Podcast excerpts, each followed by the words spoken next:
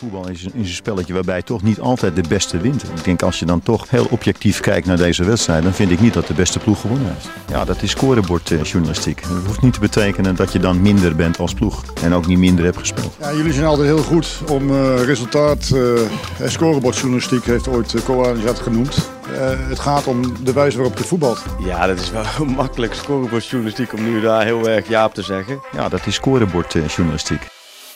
Welkom terug, Eredivisie. En welkom terug bij uh, Scorebord Journalistiek. De vijftigste aflevering uh, in totaal. En de tweede van het nieuwe seizoen. Eigenlijk de eerste van het echte nieuwe seizoen. Want het nieuwe seizoen in de Eredivisie uh, gaat weer beginnen. Waar is de champagne? Ja, waar is de champagne? De, daar is op bezuinigd uh, blijkbaar. Topsport uh, klimaat. Geen uh, Stef de Bond bij uh, deze vijftigste aflevering. Maar nou, ik mocht het zelf doen dit keer. leuk klusje, zou leuk, Lodewegen zeggen. Leuk klusje. Nou, dat, dat, zo zag ik dat ook inderdaad. Leuk klusje, vijftigste aflevering. Een eer. Dat, zo, zo zie ik het, om dit te kunnen presenteren dit keer. nou ja, en ik ben hier als Pieter Zwart samen met Lent in Godijk. En met Simon Zwartkruis. Zeker veilig op anderhalve meter in de meer. Dus daar kan wat dat betreft niks fout gaan. En we gaan het hebben over ja, de eredivisie die weer gaat beginnen. Wat we kunnen gaan verwachten. Ook vanuit jullie natuurlijk persoonlijke expertise bij de clubs waar jullie veel rondlopen. Maar vooral ook ja, ja, kijken wat we allemaal gaan zien komend seizoen. Waar we ons met name ook op verheugen. Want het ja, gaat eindelijk weer beginnen. Weten jullie nog waar jullie waren tijdens het laatste weekend dat er in de eredivisie gevoetbald werd? Ja, ik zeker. Ik lag op een strand uh, in Thailand. ik kwam, was echt net op tijd terug, uh, voor, vlak voordat Nederland in de intelligente lockdown ging. Was ik drie dagen terug in Nederland, geloof ik. Dus de laatste wedstrijd waar jij het over hebt, die, uh, die heb ik niet meegekregen. Ja, je hebt het virus eigenlijk meegenomen, hè, Thailand, geloof ik. Volgende onderwerp. ja, ik weet nog inderdaad dat ik er toen was bij uh, AZ uh, tegen ADO. Die, ja. die wedstrijd was toen. En, uh, nou ja, maar jij, bent, jij bent eigenlijk een soort super sub. Hè? Als ja, Stef weg is, sta je hier. Als ik weg begrijp. ja. Nou ja, dan word je inderdaad altijd erin gezet. Maar toen was het inderdaad, we zaten nog midden in een titelrace. ja. Dat was die avond waarop Ajax door het oog van de naald ging bij Heerenveen. Uiteindelijk een ja, belangrijk avondje. En Heerenveen was toen nog een club die jij volgde, Lentin. Ja, daar was ik inderdaad ook bij, bij die wedstrijd. Uh, er was in een gekke fase van Ajax waarin alles een beetje elkaar aan het uh, donderen was eigenlijk. Um, en toen in Heerenveen kwamen ze toch weer boven. Ik weet nog dat Ejuke toen uh, heel erg goed was tegen Blind. Maar uiteindelijk werd het volgens mij 1-3 voor Ajax. Klopt, ja. klopt. en toen Tadic stond op. Ja, Tadic, ja. ja. Dat klopt. En Timber maakte volgens mij zijn, zijn debuut toen. Ja. En vlak daarvoor, ik meen een week daarvoor, had je, had je natuurlijk Ajax AZ gehad. Dat was natuurlijk een spectaculaire ommekeer weer even in, uh, in de hele titelrace. En dat heeft nogal wat effect gehad natuurlijk ook in die periode daarna. Met protesten uh, bij KVB's en UEFA, ze noemen het maar op. Maar dat was wel een wedstrijd die, die bij AZ in ieder geval de standaard voor dit seizoen heeft gezet. Daar is iedereen het wel over eens. Dat dat de maatstaf moet zijn voor hun komend seizoen. Want dat was, uh, volgens mij heb jij die ook geanalyseerd toen, Pieter. Dat was een, uh, een overwinning van AZ. Volgens mij helemaal niets op af te dingen viel. Nee, zeker niet. Nee. En uh, nou, die leken een beetje de Ajax-code gekraakt te hebben. Dus ja. die willen ook graag dat het op onderling resultaat gaat, blijkbaar. Maar voordat we daar helemaal naartoe gaan, eerst even een rondje snelle voorspellingen. Wie wordt de kampioen? Ajax. Ja, ik denk ook wel Ajax, ja. ja. Nou, dat is ook wel opvallend in onze seizoengids, die ook deze ja. week uh, uitkomt. Volgens mij heeft werkelijk uh, iedere prominent heeft uh, Ajax voorspeld. Eentje had, eentje had PSV, geloof ik. we pakken hem er even bij. Emiel Schelvis. Oh, ja. ja. Emiel Schelvis heeft... PSV 1, Feyenoord 2, Ajax 3. Ah, ja. ja, is ook een optie. Is ook een optie, inderdaad. Maar uh, ja, ik, ik, werd toevallig uh, vorige week door de, door de Fara uh, Gids magazine gebeld. en toen, ja, toen heb ik ook Ajax gezegd als, als kampioen. Volgens mij heeft ook daar vrijwel iedereen dat, dat gezegd. Dus Ten Hag weet wat hem te doen staat. Hoe ja. denken ze daar bij AZ over, Simon, dan? Wat zeg je? Hoe denken ze daar bij AZ over? Hebben zij wel echt het idee dat ze weer op gelijke voet beginnen met Ajax nu? Ja, al merkte ik wel, of merk ik al een tijdje dat ze uh, dat liever niet uitspreken. Ik heb in de VI, die deze week uitkomt, uh, een interview gedaan met Teun Koopmeiners, de aanvoerder. En die zat ik daar ook een beetje mee te prikken. Van, uh, waarom spreken jullie dat nou niet eens een keer wat heftiger uit? Want uh, Max Huibers, de technisch directeur, die blijft zeggen van... nou, de doelstelling was en is dus ook komend seizoen, bij de eerste vier eindigen en Europees voetbal. Ja, als je net eh, gedeeld eerste bent geworden, dan, eh, dan mag dat ambitieniveau omhoog, eh, vind ik. Maar er zit bij AZ geloof ik ook nog wel een verschil tussen de ambitie die ze dan intern uitspreken en wat ze naar buiten toe Ja, en ik moet zeggen ambitie. dat, eh dat Koopmeiners had daar wel een, go- een goed verhaal bij. Eh, hij zei zelf, eh, heb, kan ik dat prima hebben, het, A, het uitspreken van die ambitie, van nou, we gaan voor de landstitel. En B, de, de druk die dat misschien met zich meebrengt. Hij zei letterlijk, hoe hoger de druk, hoe beter ik het vind, hoe lekkerder ik het vind eigenlijk. Eh, hij zei, maar ik kan niet namens alle andere karakters in de selectie spreken. Er zullen ook vast jongens zijn die dat, eh, die dat lastiger vinden om aan, aan, die, aan het hoge verwachtingspatroon te gaan voldoen dan. En om iedere week daar vragen over te gaan krijgen. Dus hij zei, dan doe ik het als aanvoerder, spreek ik het ook niet zo uit. Kortom, uit alles blijkt dat hij vindt dat AZ gewoon voor de titel moet gaan. En ook als een titelkandidaat ziet. Eh, ze spreken het alleen niet zo hard uit. Dat heeft ze vorig seizoen, hebben ze dat ook bewust gedaan, vertelde hij. Dat heeft ze een mindset opgeleverd die goed is bevallen. Eh, echt letterlijk leven van wedstrijd naar wedstrijd. Het is een vreselijk cliché. Wij als journalisten kunnen er helemaal niets mee. Maar dat beviel hun goed. Dus ja, dat, eh, het kampioenswoord eigenlijk buiten de deur houden. En af en toe een wedstrijd verplaatsen. Af en toe een wedstrijd verplaatsen als dat, als dat wel uitkomt. Eh ja, dit is een bruggetje, denk ik. Nou, een bruggetje, nou ja, dat was eigenlijk de spectaculaire begin van de Eredivisie. Hadden we ons allemaal op verheugd. FC Utrecht eh, AZ. Ik weet nog dat ik daar was bij FC Utrecht AZ bij de oefenwedstrijd. eh, ook weer eens een keertje invallen voor iemand Ja. die op vakantie was. Dat is blijkbaar een, een thema. Maar nou, toen werd al door eh, AZ in twee verschillende opstellingen gespeeld. En er werd Ja. toen uitgelegd van nou, we gaan die elftal ook mixen om eh, FC Utrecht niet wijzer te maken dan ze zijn voor die eerste competitiewedstrijd. En Het is ook de enige wedstrijd dat ze dat op die manier deden. Ja, met echt twee eh, gelijkwaardige teams per, per helft. ja, En dan vervolgens inderdaad voor Jan met de korte achternaam. Want die wedstrijd wordt voorlopig niet gespeeld. Ja, een beetje apart toch? Want ze wisten toen eigenlijk op dat moment toch ook al, nou toen nog niet, want toen moesten Zouden- ze nog spelen natuurlijk tegen Pielsen. Maar Ja. Op een gegeven moment wisten ze wel van die wedstrijd eh, gaat eruit. Heb je daar mensen bij AZ over gesproken? Ja, ik heb gisteren. nou, toen had ik Robert Eenhoorn aan de lijn voordat dit bekend werd. En toen zinspeelde hij er al op. Hij wilde niet zeggen wat aan de hand was. Maar hij zei wel dat, eh, dat het hem verbaasde dat, dat het heel lang een item is geweest in Nederland. Of in de eredivisie. Het, zeg maar, het beschermen van ploegen die, ja, die punten kunnen scoren voor onze coëfficiëntenlijst. in ons aller belang. En dat daar nu eigenlijk helemaal geen enkel eh, woord over gesproken is. Eh, nou ja, daar had hij op zich eh, had hij wel een punt. Ik weet ook niet of ze het ook hadden gedaan als het een thuiswedstrijd tegen Kiev was geweest. Als je dus gewoon in alle rust in, in je eigen nest had kunnen voorbereiden. Maar goed, ze moeten nu helemaal naar de Oekraïne en bla bla bla. En ja, ze hebben dat verzoek ingediend. En dat schijnt ook niet veel moeite gekost te hebben om dat er doorheen te krijgen. Het levert, levert natuurlijk wel in de reacties, dat zag ik ook wel onder ons bericht op de site bijvoorbeeld. Veel mensen die dan zeggen, ja, eh, waar ben je nou met je eh, internationale ambities? Dan moet je dit ritme toch gewoon vol kunnen houden. Ja, maar dat was ook al toen Ajax eh, dat uitstel dat- aan, uitvroeg in een Champions League seizoen. Precies, dat argument had je vorig jaar dan bij ieder uitstel kunnen, kunnen aan- aanvoeren.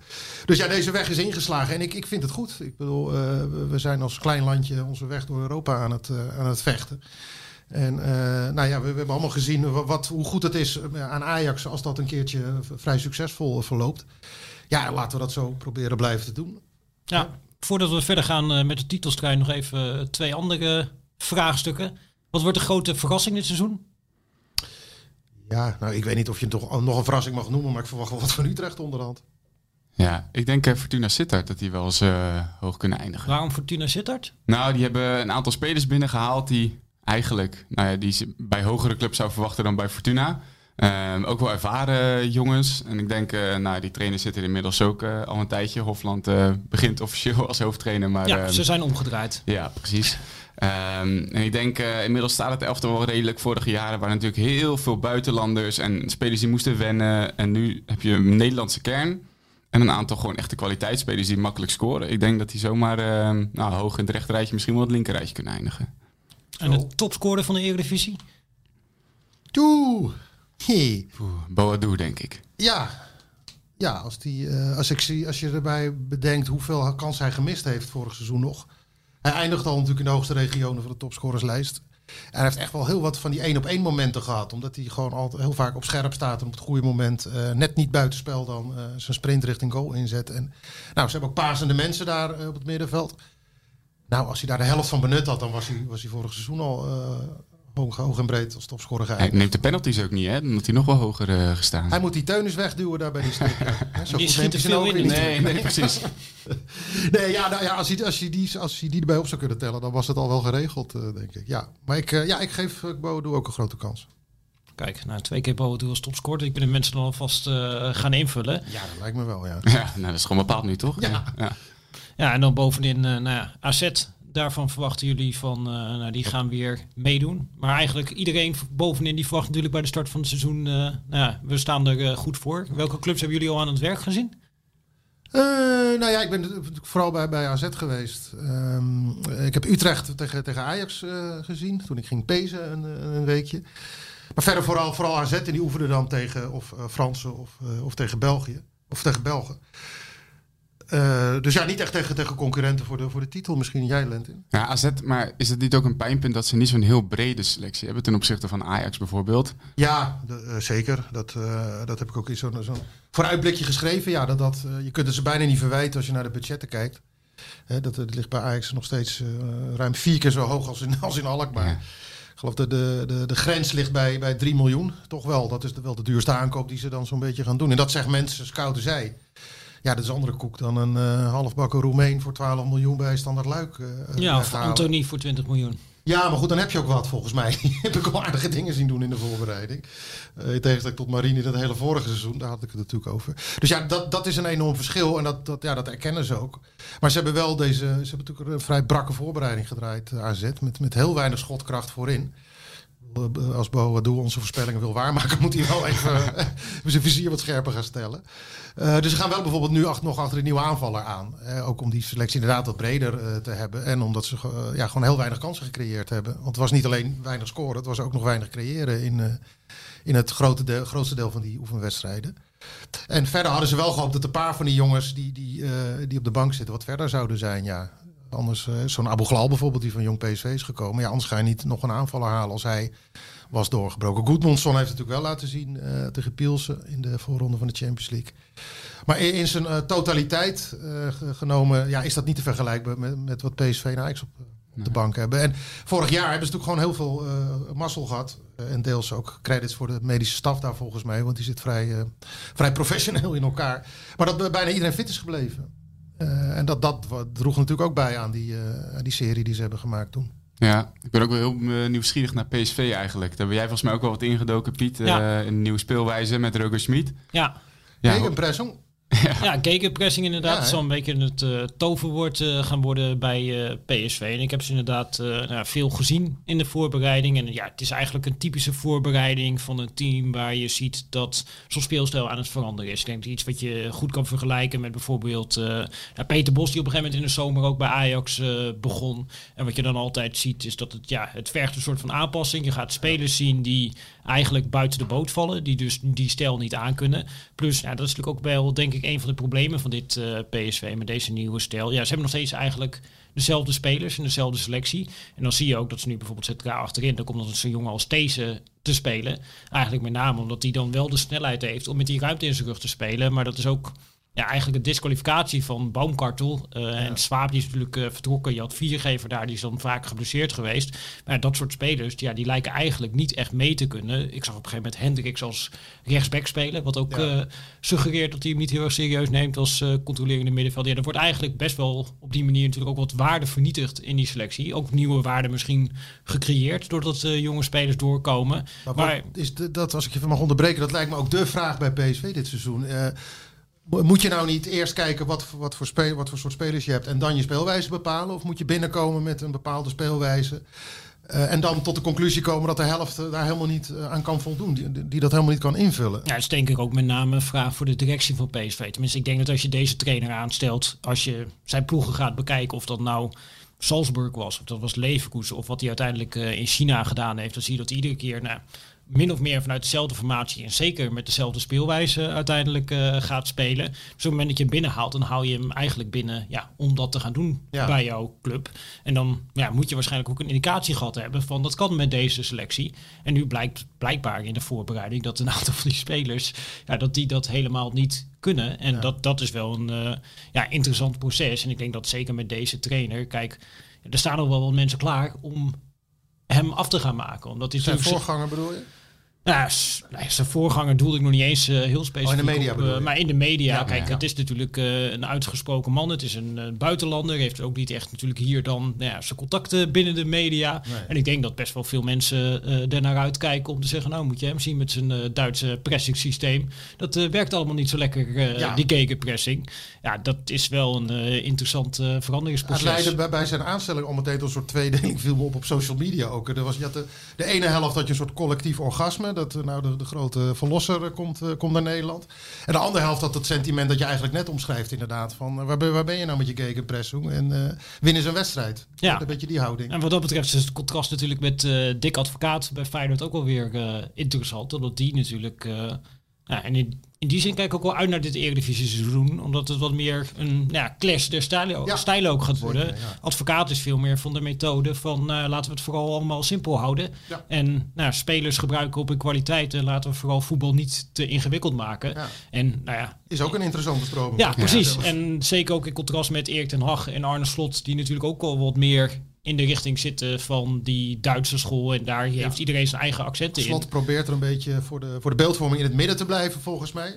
Hè, een beetje Schmid en een beetje, een beetje advocaat. Ja. Ja. hij houdt zich wel heel simpel in interviews altijd. Hè? Niet te interessant eh, willen overkomen. Ja, dat, je merkt dat hij, hij wil duidelijk niet in een bepaald hokje gestopt worden. De, dat, en dat, dat snap ik ook wel. Want Ja. dan ben je voor de rest van je leven zo'n beetje die man met, eh, nou, eh, met, met zijn laptop of met zijn, eh, met zijn data eh, gefrummel. En met zijn lage voorzet. En met zijn lage voorzet. Ja, nou, dan begon hij laatst nog van de zomer. Ja, die kan jij in je zak steken, Pieter. Dat, hij, eh, dat er op een gegeven moment inderdaad zo op gelet werd. Of AZ nou alleen nog maar lage voorzetten gaf of niet. En dat hij toch ook wel ontdekt had dat er ook wel uit hoge voorzetten gescoord De kan worden. hoge, vroege voorzet. Het zit er volgens mij vooral heel erg in de variatie. Dat heb je ook eh, met trainers die eerst zeggen dan dat ze graag over de as voetballen. En dan zien ze dat die as door tegenstanders wordt dichtgemetseld. Dus dan moet je het weer wat meer over de flanken gaan zoeken. En zo, eh, nou, zo, zo blijven ze puzzelen en zo. En dat is wel leuk, vind ik, aan, aan een paar van die trainers die we net eh, noemden. Zo'n Smit, maar ook, ook Slot en Ten Hag. Die volgen wel echt iedere ontwikkeling in, in het nationale en internationale voetbal op de, op de voet. En die proberen daarvan mee te pikken en te integreren wat ze interessant vinden en goed lijkt. Dat, eh, dat maakt dat wel interessante trainers, vind ik. Ja, ja. Nou ja, die topclubs, dat krijgt natuurlijk eh, iedereen wel mee. En dat zal genoeg besproken worden. Ook in de vier club podcast die we daar natuurlijk eh, over hebben. Dus wil je alles weten over eh, Ajax, AZ, Feyenoord of PSV, luister vooral eh, naar die podcast. Maar het leuke aan deze podcast denk ik ook dat we die clubs daaronder een keertje kunnen bespreken. Nou ja, Lente, jij volgt er een aantal. Wat is jou daar eh, opgevallen? Ehm, nou ja, ik, ik ehm, kom dan veel bij PEC en bij Heracles. En dat is eigenlijk een beetje een, ehm, een tegenovergesteld eh, fenomeen bezig. Eh Heracles was de laatste jaren natuurlijk heel stabiel. Zevende, achtste geworden, telkens in de subtop met eigenlijk minimale middelen. Maar je merkt nu wel, vorig jaar heeft Dessus daar ook wel het een en ander verbloemd. Die heeft volgens mij 15 eh, ingelegd. En ook in de speelwijze was hij zo belangrijk en dominant. En nu hij weg is, hebben ze een nieuwe jongen gehaald. Maar die is nog wat aan het worstelen met zijn fitheid, die Sinan Bakis. Ja, die had een nul gemaakt. Las ik in de Ja, die had een nul in de voorbereiding. Nou heeft hij ook niet alles gespeeld hoor, dus een beetje flauw. Maar ehm ja, hij raakt dus nog wel echt aan het zoeken. En ja, als je geen scorende spits hebt, dan valt er ook wel heel veel weg in zo'n elftal. Dus ik, ja, ik denk dat zij wel met een kleine achterstand beginnen. Maar er is sowieso veel gebeurd. Hè? Tenminste, je- je- ik bekijk dan ook die transferoverzichten. En dan zie je bij een club als Heracles dat er 14, 15 selectiespelers zijn vertrokken.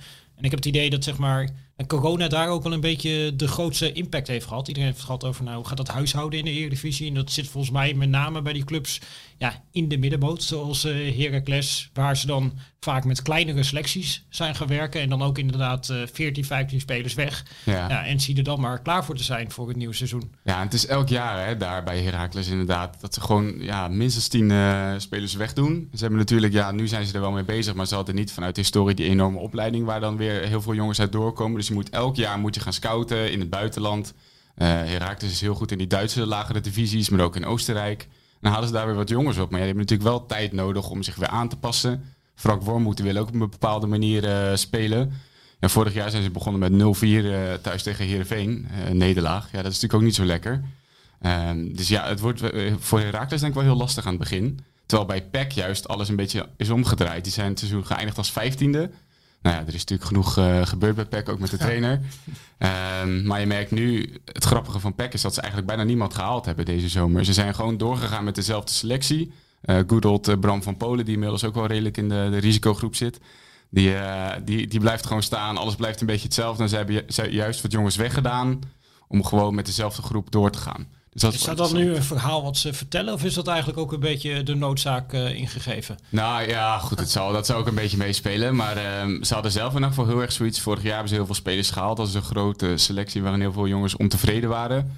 En nu hadden ze zoiets van, nou, we doen er een groep weg. En we gaan gewoon met een wat eh, meer ervaren groep ehm, rustig doorbouwen. Wat, eh, waar ik een beetje op gehoopt had, met name bij die kleinere clubs, eh, als, als, nou, als positief effect dan van die klote coronaperiode, is dat, dat het bij, juist bij clubs met wat lagere begrotingen zou hebben geleid tot meer aandacht voor, voor de opleiding. Dat Ja. ze, eh, hè, soms komt uit, uit crisis komt juist, komen juist wel mooie dingen voort, omdat je genoodzaakt bent om nou ja, creatief met je geld om te gaan. En dan veel, veel clubs, sommige clubs moet ik zeggen helaas, niet veel. Sommige vallen dan inderdaad terug op een jeugdopleiding, gaan daarin investeren. En dat lijkt mij nuttiger dan weer in de tweede en de derde Bundesliga eh, gaan kopen. Ja, Heb je, zie jij daar enig effect van bij, bij clubs, zeg maar uit het, uit het rechte rijtje? ja nou, niet, niet heel veel natuurlijk. Uiteindelijk is het ook wel, eh, vooral het rechterrijtje, overleven is dan ook een beetje leunen op ervaring. Ja. Eh, maar je ziet er her en der wel een paar doorheen komen. Volgens mij heeft Sparta nu weer zo'n jong, eh, jong spitsje die ook weer tegen Dortmund gescoord had, geloof ik. Dat, dat zijn inderdaad wel leuke, leuke ontwikkelingen. ja. Sparta heeft ook natuurlijk ook wel een naam Ja. nog steeds op dat vlak. Maar de clubs waar het net over ging, niet, zie je dat niet. Nou, er komen nog niet heel veel, eh, veel jongens door. In de voorbereiding krijgen ze ja, natuurlijk ik bedoel niet, niet echt dat ze nu doorkomen, maar dat, dat ze door de nieuwe situatie ingegeven gewoon daar weer meer, daar meer een focus op gaan leggen, op het zelf opleiden. Ja, ik vind dat altijd lastig in te schatten. Want heel veel clubs zeggen dat natuurlijk wel. Van ja, Voor we de willen jonge, ja. jonge jongens de kans geven. Maar als het puntje bij paaltje komt en de Eredivisie start, dan, eh, dan spelen de ervaren jongens. Uh, Heerenveen is daar, de- daar was je natuurlijk vorig seizoen. Dat is misschien wel een goed voorbeeld daarvan. Want die beginnen inderdaad de voorbereiding met een hele kleine selectie. Allemaal jongens van 17, 18 die al die oefenwedstrijden spelen. Dan gaan ze een paar keer hard onderuit en dat is nog in de voorbereiding. En dan begint ook eh, de technisch directeur alweer te roepen van er moeten nieuwe spelers Tijd bij. voor de paniek aankopen, ja. Ja, die, ja Heerenveen die zijn ook niet echt lekker begonnen. Die hebben natuurlijk nu Ejuke dan verkocht. En nu zijn ze eigenlijk pas aan het bouwen. Ehm, maar ja, bij Heerenveen had je die Arjen van der Heijden. Dat schijnt wel echt een groot eh, talent te zijn. Maar ik zag nu, volgens mij die jongen van eh NAC hebben ze nu gehaald. Van Hekken. Ja, Daar zijn ze mee centrale bezig. verdediger. Ja, dus langzaam stroomt het elftal natuurlijk ook al wel weer eh, redelijk vol. Ja. Ja, en dan blijven er eigenlijk weinig clubs over waar je dan daadwerkelijk ziet dat corona echt tot een soort van ommezwaai eh, in beleid heeft gezorgd. Tenminste, ik heb ze niet heel veel gezien Nee. in de voorbereiding. Het was ook een beetje ijdele hoop allemaal. eh, in het begin ook van die coronaperiode volgens mij. Hè, dat ook de, dat zelfs Rob Jansen riep van nou, eh, dit moet tot bezinning leiden. En, nou, er is natuurlijk helemaal geen reet van terechtgekomen. We gaan gewoon weer verder met waar, waar we gebleven Ja, waren. we gaan gewoon inderdaad weer verder waar we gebleven waren. En nou ja, wat dat betreft onderin ook wel interessant. Toen het seizoen eh, afgelopen was, nou, toen stonden er daar natuurlijk ADO Den Haag en RKC op die eh, plaatsen onderin. Nou, de competitie afloopt, daar is genoeg over gezegd en geschreven. Maar die zijn erin gebleven. Denken jullie dat die nu er alsnog in kunnen gaan blijven? Of dat daar andere clubs zich onderin gaan melden? Ja, ik denk dat ze het allebei wel lastig gaan krijgen. Ehm, als je ziet bij ADO ook dat ze al die ervaren jongens nu weggedaan hebben. Immers en, en Beugelsdijk. Daar verlies je natuurlijk ook wel een beetje je gezicht mee, denk ik. Ehm, en bij RKC hebben ze dan die wel volgens mij de laatste weken nog wel stevig geïnvesteerd. Ja, Maar, dat eh, moest ook echt wel. Want dat, ja. dat, is, dat is een van de andere Eredivisie clubs die ik gezien heb in de voorbereiding. De, de kraker eh, uit bij Almere.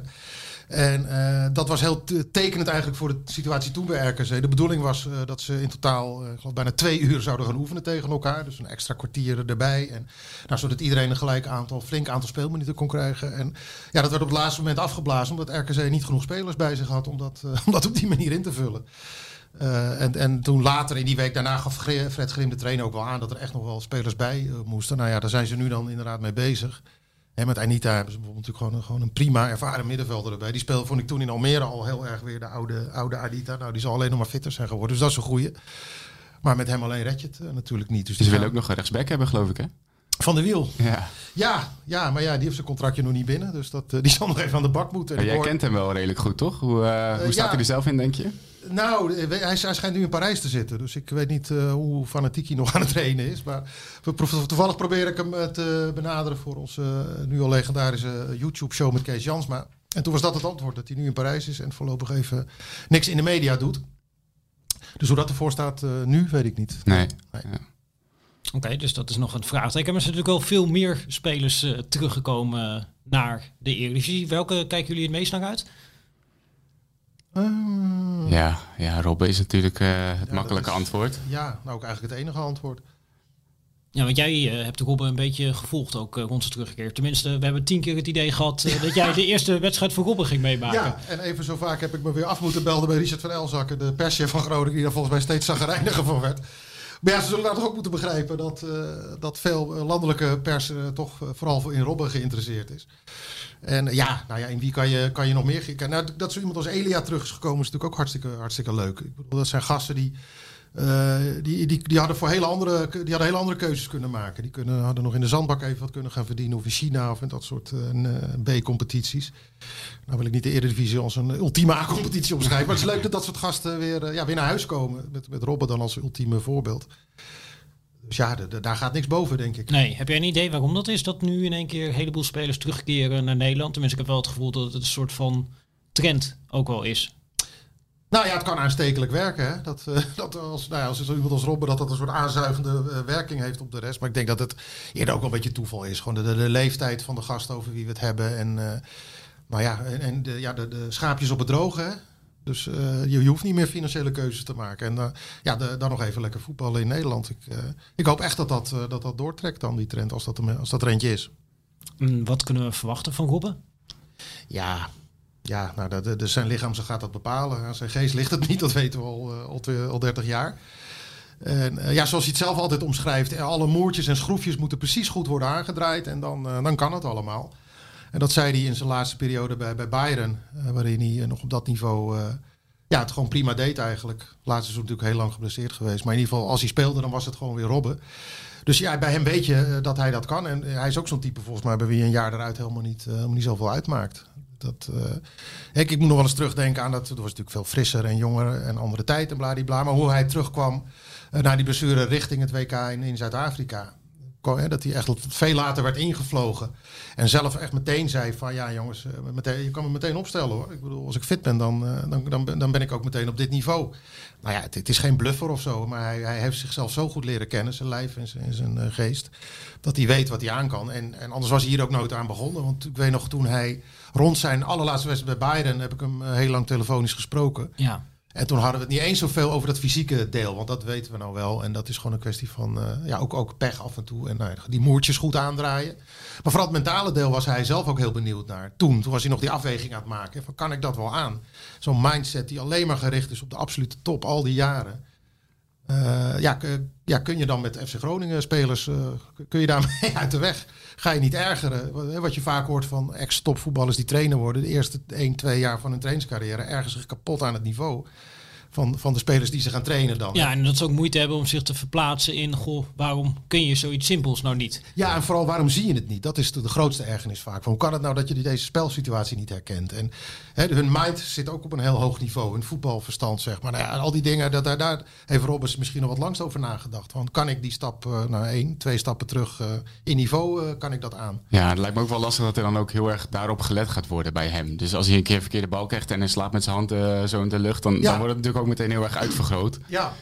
Um, ik ben ook wel heel benieuwd hoe, hoe dat gaat zo meteen in dat elftal. Of elke bal dan naar Robben gaat. Want het is natuurlijk wel een soort automatische reflex. Als jij een 19-jarige linksbuiten bent, ja, dan kijk je toch eens waar Robben staat. Ja, ja, ja logisch toch? Ja. In, in mijn eigen zeer treurig uh, amateurploegie hebben we, deden we dat ook jarenlang. Speelde ook iedereen elke bal naar jou, bedoel je? Uh, was ik een van degenen die hem dan naar een echt goede voetballer speelde. ja. Ik bedoel, dat zijn normale reflexen. Het voordeel daarvan is wel dat er een mannetje of drie waarschijnlijk met Robben bezig zal zijn in de, in de defensie. Dus uh, zo zou ik als, als andere aanvallen bij Groningen denken. Van nou, dat is mooi. Dan ga ik lekker in die ruimtes, ruimtes lopen die er nu open, openvallen. Ja, ja, ik zou het heel mooi vinden als hij bijvoorbeeld om de wedstrijd zou spelen, maar dan wel echt helemaal fit zou zijn. Dus dat ze het wel gewoon heel rustig met hem aandoen. Dat hij niet elke wedstrijd hoeft te starten. Ja. Dat, hij, dat hij echt zijn wedstrijden kan uitkiezen. Zoals Van Persie een beetje had aan het begin bij Feyenoord ja. toen.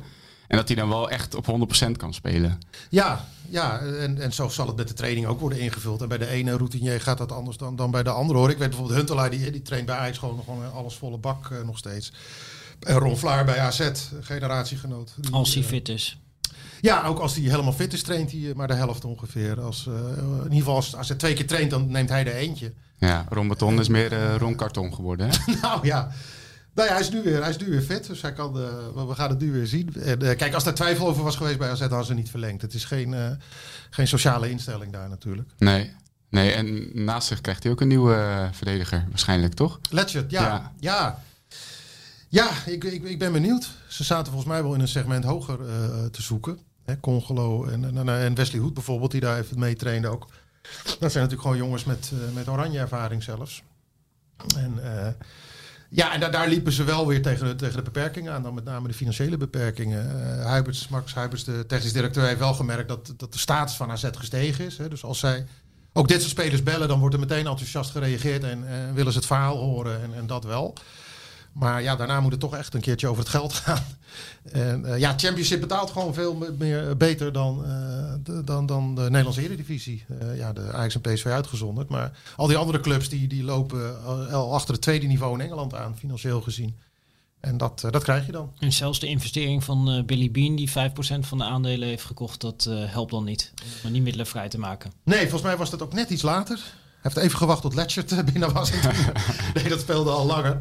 Maar op welke, ja, dat is een beetje, is nog, daar zijn we nog niet helemaal achter om wat voor bedragen dat dan, uh, dat dan precies gaat.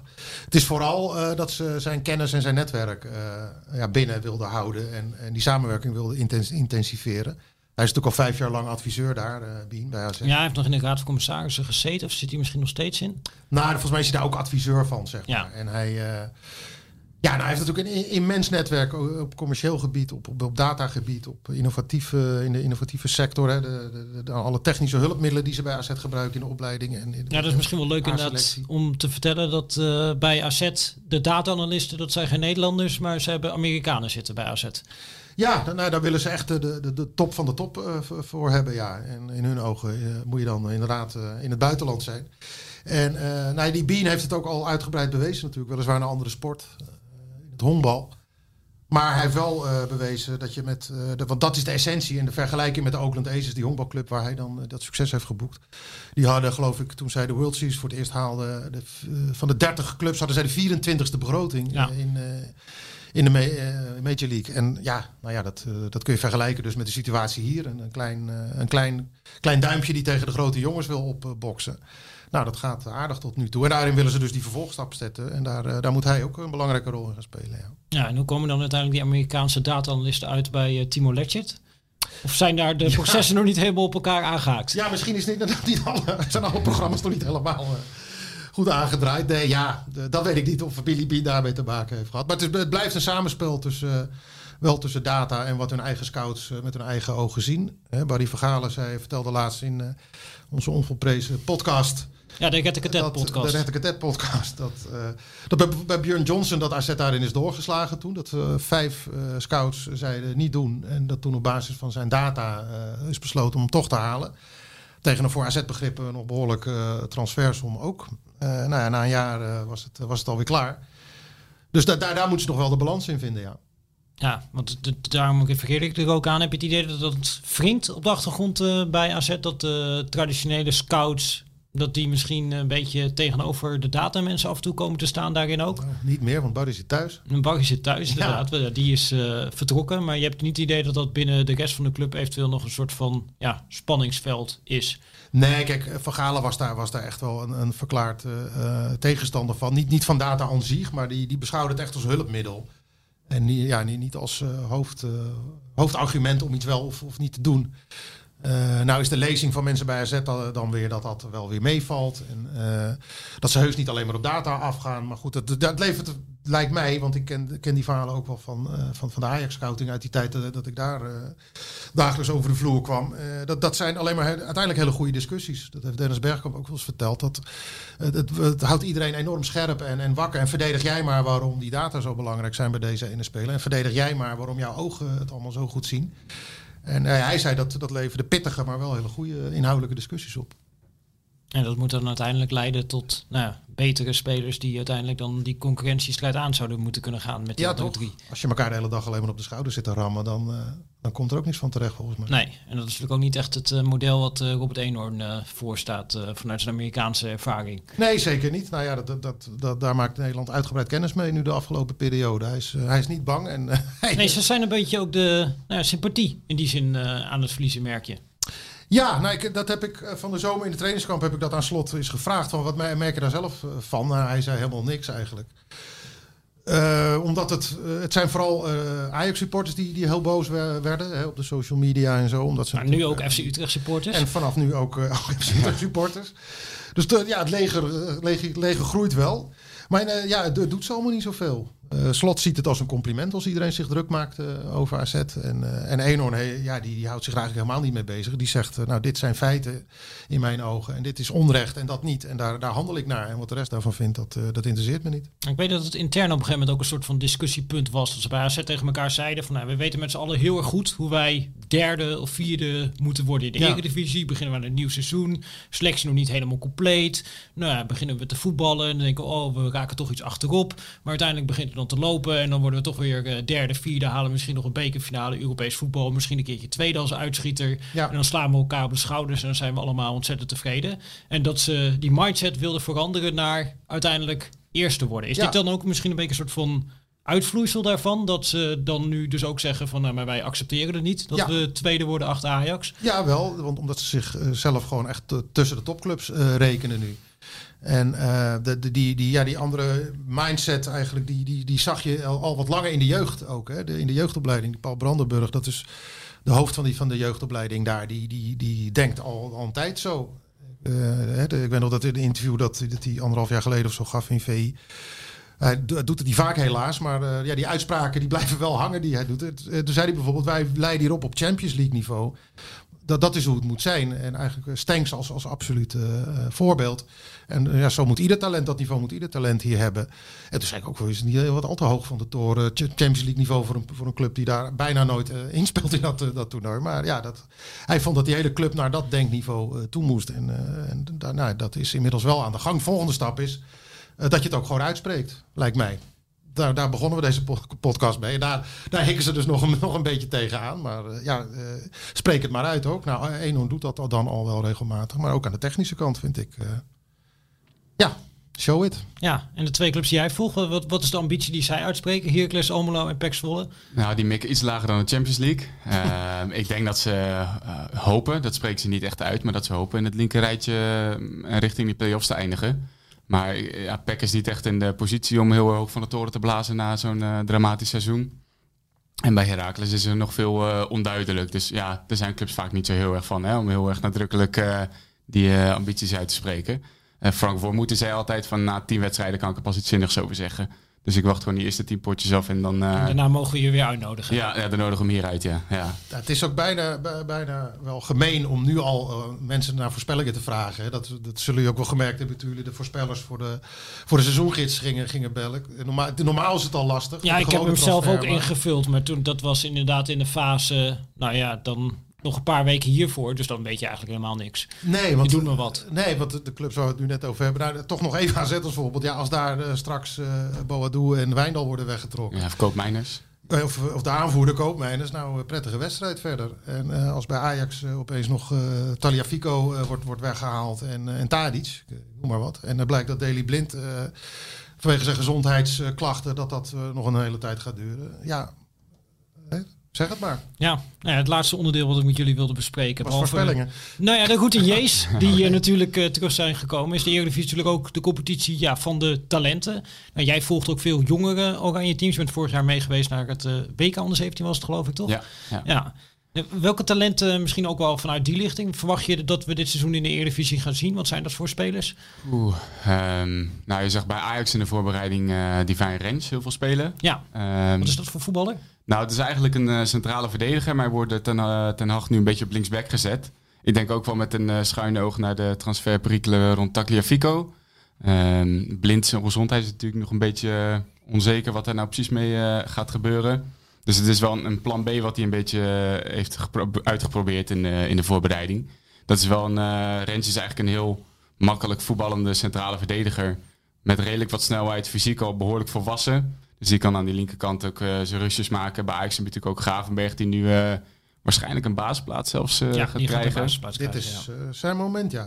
Ja, het ja. middenveld van Ajax is totaal ontmanteld onderhand. Als je, ja, ben ik wel benieuwd naar hoor. Of dat eh, gaat werken ook met Alvarez samen. ja, Ehm, En daar heb je ook een ander talent. Die heeft er in de voorbereiding vaak ook naast gespeeld. Kenneth Taylor. ja, ja, Kenneth Taylor. Ja, maar goed, ga je dan met Taylor en Gravenberg samen spelen? Dat is erg jong natuurlijk. dat, dat kan eigenlijk natuurlijk niet. lijkt maar dat me is ook wel, niks voor Ten Hag om... eh, om dat risico te Nee, nemen. Maar- nee. Maar wel, ja, er komen wel een aantal jongens aan. Maar bij AZ natuurlijk ook. eh Mo Tabouni, die ken ik dan eh, redelijk goed. Ja, dat is de, de parel. eh, ja, het, Ja. Is, het, is, het is bij hem de vraag, maar dat geldt voor heel veel van dit soort talenten volgens mij. Die, die kunnen dan zowel op 10 spelen als hangend op de vleugel. Ja. ja, ik vind die Tabouni vind ik echt een nummer 10. Die zou ik daar blind neerzetten. En dan volgens mij met koopje een, een vleugel spelen. Maar die zou ik lekker die, die paasjes laten, laten eh, strooien. En eh, zeker in combinatie met Boadu lijkt me dat. eh, Maar bij AZ prettig staat daar vaak Dani de Wit. Zeker, ja, maar dan op een gegeven moment, naarmate Tabouni zich verder ontwikkelt, wordt dat, wordt dat een interessante keuze. Kies je voor, kijk, de wit is natuurlijk heel belangrijk in het druk zetten en in het terugveroveren van de bal. En die loopt zich helemaal het snot voor de ogen iedere, iedere wedstrijd. Maar zijn rendement is, is heel laag. Ja. En het is ook niet iemand met hele fijne voetjes of zo. Hè? Zoals een Tabouni die, ja, die waarschijnlijk wel doet drie keer per wedstrijd wel even wegsteekt. Het is eigenlijk een verdedigende aanvallende middenvelder. Dani de Wit. Eh, ja, en wel heel diep verdedigend inderdaad. Maar ja, zo, zo kan je het inderdaad omschrijven. Eh, dat, dat lijkt toch meer een keuze eh, voor, voor als de tegenstander de bal heeft. Ja, ik, ik ben zelf toch iets meer Cruyffiaan. Ik ga iets meer uit van, het, van de momenten dat je de bal wel hebt. En ja, dan, dan, dan kom je snel bij, bij de creatievere mensen uit Goedmondson bijvoorbeeld. Zou daar ook heel goed kunnen spelen. Die, die speelt nu vaak, als hij speelt, of in de voorbereiding stond hij daar vaak eh, op rechts buiten. Ja, dat is allemaal niet ideaal. Dan krijg je een beetje wat je bij Oranje ook zag. Als je daar Wijnaldum op rechts buiten zet. Ja, dat is de plek niet van dat soort gasten. Nee. Ja, je hebt natuurlijk ook die diepgang nodig vanuit het middenveld. Dat zal wel de reden zijn waarom Wijnaldum ook altijd op speelt bij Nederlands elftal. Ja, Dat je gewoon die looplijnen, looplijnen maakt. Ik vond trouwens wel grappig, eh, het zoontje van Max Huiberts. Die doet het heel goed bij PEC. Ja. Dean dat, eh, ja. Nou ja, er, er zijn ook, eh, als we het toch over talenten hebben, wel, wel meer erfgenamen in aantocht. Hè? Want je, je hebt Maxime Gullit bijvoorbeeld bij, Ja, eh, bij AZ. Jong AZ. Die, nou, die, die speelde ook nog wel een rol in, in, in de zoektocht naar, naar een eh, opvolger van Wuitens. Dus, zo- daarom zochten ze ook echt een ervaren iemand. Omdat die Gullit, eh, die ontwikkelt zich echt heel goed. Ja, ik Dus de begrijp dat verwachting ze is dat hij bij... volgend jaar al wel dan in de jaarselectie kan, eh, Ja, kan gaan door. En ze proberen daarin ook al wat verder vooruit te plannen. Nou, dat probeert natuurlijk iedereen in het voetbal. Maar bij AZ proberen ze dat ook wel serieus te doen. Dat ze Ja. inderdaad nu al bezig zijn met de selectie van over twee jaar. En dan Ja. gaat die vertrekken en dan komt die door. En Ja, dat en is dus blijkbaar ook een ook een, argument. eh gun het nu al. Ja, en daar speelt hij ook een, eh, een, een rol in inderdaad. En bij die onder, onder 17, ja, wie hadden we daar nog meer allemaal in? Want het was wel een team waar, eh, waar ik vrolijk van Nou werd. ja, Sontje Hans en Unovar. Maar dat Ja. lijkt, eh, lijkt heel ver weg nu nog. Ja, bij Ajax is het natuurlijk sowieso zo moeilijk om daar doorheen te komen. Als je zo'n Anthony net voor eh, meer dan 20 miljoen koopt. En je hebt Neres er nog lopen en Kudus Promes. voor 10 miljoen. Ja, ja, dus eh, bij Ajax is dat wat lastiger, denk ik. Maar er zijn bijvoorbeeld ook jongens, eh, Romano Postema van FC Groningen, die in de voorbereiding gewoon eerste spits is. ja, ze hebben nog steeds geen spits. Dus Nee. die gaat misschien dan de kans krijgen. Ja, ja, samen met Robin de aanval is natuurlijk. hij is volgens mij letterlijk twee keer zo jong als Robben. Ja, dat is wel een mooi, mooi duo daarvoor in. Er zijn inderdaad nog wat meer, wat meer spelers. Maar ja, de meeste bij dat soort elftallen komen dan van Ajax en AZ eigenlijk. Ja, En bij Ajax komen we er ja heel moeilijk tussen. ja nou, dat, dat, was, ik weet nog, eh, een jaar geleden had ik het daar met Den Haag over in de Lutte. eh, toen ik daar op, eh, op bezoek was. Want toen trainde hij daar met, met een hele jonge groep waarvan je eigenlijk al zeker wist dat die onmiddellijk allemaal weer naar de belofte zouden worden weggeduwd. Op het moment dat, dat de echte spelers van, van vakantie terugkwamen. En toen hadden we het over van, kun, jij, kun jij jongens nog wel perspectief bieden als club? Want eh, die doorstroming, dat, eh, dat, dat, dreigt toen al een beetje te gaan stokken. En hij, eh, ja, hij draaide het om en zei, ja, dan moeten die talenten en de opleiding moeten naar een hoger niveau getild worden. Want als je echt goed bent, dan kom je er echt wel tussen. Maar het is inderdaad wel, als je dit, de huidige beoogde basisploeg op een rijtje zet, dan is daar nog weinig uit de eigen opleiding eh, van, van terug te zien. Ja, maar daar heeft elke club, elke topclub er natuurlijk wel een beetje last van. Je ziet het ook met Summerville nu eh, bij Feyenoord. Ja. Die, die voelt zich dan klaar om te starten. Maar ja, dat heb je natuurlijk ook wel uh, Berg gespeeld op zijn plek. Ja. Nee, die ga je er niet naast zetten. Nee, in principe niet. Nee. Nee, dus het Nederland opleidingsland eh, moet volgens mij wel een beetje blijven opletten. Dat er wel, uh, ja, wel genoeg perspectief voor dat soort jongens is. Want als je die nationale jeugdelftallen ziet, dat is niet alleen dat toernooi waar jij bij was, maar is natuurlijk al langer aan de gang. Daar zit, daar zit echt heel veel muziek in. En die laatste stap tussen, uh, nou ja, tussen jong en, en, en het eerste elftal. Volgens mij kan er in dat traject uh, kunnen nog wat dingen verbeterd worden. Het viel me op de, bijvoorbeeld dat, dat Pim van Dort, de, de arts, fysiotherapeut, die bij Ajax met pensioen is gegaan onlangs. Die, die hield nog een pleidooi voor Bergkamp. Die zei, de, die plek is bij Ajax nu onbezet. De, was Bergkamp was natuurlijk het bruggenhoofd tussen opleiding en, en A-selectie. En hij zei dat dat is voor, zeker voor een club als Ajax, voor wie opleiden altijd zo belangrijk is geweest, is dat, is dat, uh, is dat schadelijk. Ja, in die zin is natuurlijk ook bij Ajax, dat is misschien wel heel ver weg, maar een beetje afgestapt van het hele idee dat er ooit was van een uh, technisch hart. Dat verschillende mensen vanuit verschillende perspectieven dan uiteindelijk die beslissingen zouden nemen. Er wordt nu wel echt ja, geredeneerd vanuit we gaan in eerste instantie presteren met de eerste elftal. Ja. En wat natuurlijk ook heel veel heeft opgeleverd. Dat, precies, dat is, maar dat is, ook, uh, dat is ook goed te begrijpen. En dat je daarop door wil gaan, omdat het inderdaad bijna tot een Champions League finale heeft heeft geleid. Maar eh, kijk, Overmars, uh, dat is echt een geweldige onderhandelaar. En de manier waarop hij dus contacten onderhoudt met, met, met iedereen in die voetballerij. En met de directeuren van andere clubs. En hij, hij kan ieder moment van de dag kan hij toeslaan. Hij staat altijd aan. En dat, ja, dat kan hij natuurlijk hartstikke goed. Maar het, is, het, het, is minder een technisch beleidsmaker. En dat was toch een beetje de, de rol van Bergkamp ook. En, en, en dan met name in dat traject, zeg maar voor jongens tussen de 16 en de nou, 20, zoiets de, de, de, talententrainingen, de manier waarop je bij hun de weerstand uh, moet verhogen en zo. Dat die hele duidelijke ideeën over, waarin VI ook wel eens uitgebreid over verteld heeft. Ja, dat, zo iemand is er niet meer. Nee. Dat lijkt mij, uh, lijkt mij heel erg zonde voor een club die zoveel geld in zijn opleiding uh, stopt. En zouden we dan om dit hele verhaal rond te kunnen maken, misschien wel kunnen concluderen dat AZ in zekere zin een nieuwe Ajax is? Ja, dat zou jij wel een leuke kop boven deze podcast vinden. Nou ja, precies. Ja, maar, ze, ze durven uh, zich onpopulair te maken. Ze gaan voor Champions League niveau, eigen jeugd uh, die doorstroomt. Nou, dan, dan, mogen ze ook nog wel even die brani van Ajax overnemen. Kom ik toch weer terug op, uh, op doelstellingen en dat soort dingen. En, en, en hoe je dat presenteert. Naar Alleen als ze durven op de buiten toe uit te spreken dat ze kampioen worden, dan kan AZ een nieuwe Ajax worden. Ja, nou maak daar maar eens een kop van. Nou, dat lijkt me appeltje eitje, toch? Oké. Okay. Heren, bedankt. En ik hoop dat jullie net zoveel zin hebben in het nieuwe seizoen uh, als ik. En dan Zeker. gaan we nu luisteren naar uh, ja, de man die het allemaal heeft uitgevonden. Scorebordjournalistiek. Voetbal is een, is een spelletje waarbij toch niet altijd de beste wint. Ik denk als je dan toch heel objectief kijkt naar deze wedstrijd, dan vind ik niet dat de beste ploeg gewonnen heeft. Ja, dat is scorebordjournalistiek. Dat hoeft niet te betekenen dat je dan minder bent als ploeg. En ook niet minder hebt gespeeld. Ja, jullie zijn altijd heel goed om uh, resultaat. Uh, scorebordjournalistiek heeft ooit uh, dat genoemd. Uh, het gaat om de wijze waarop je voetbalt. Ja, dat is wel makkelijk scorebordjournalistiek om nu daar heel erg ja op te zeggen. Ja, dat is scorebordjournalistiek.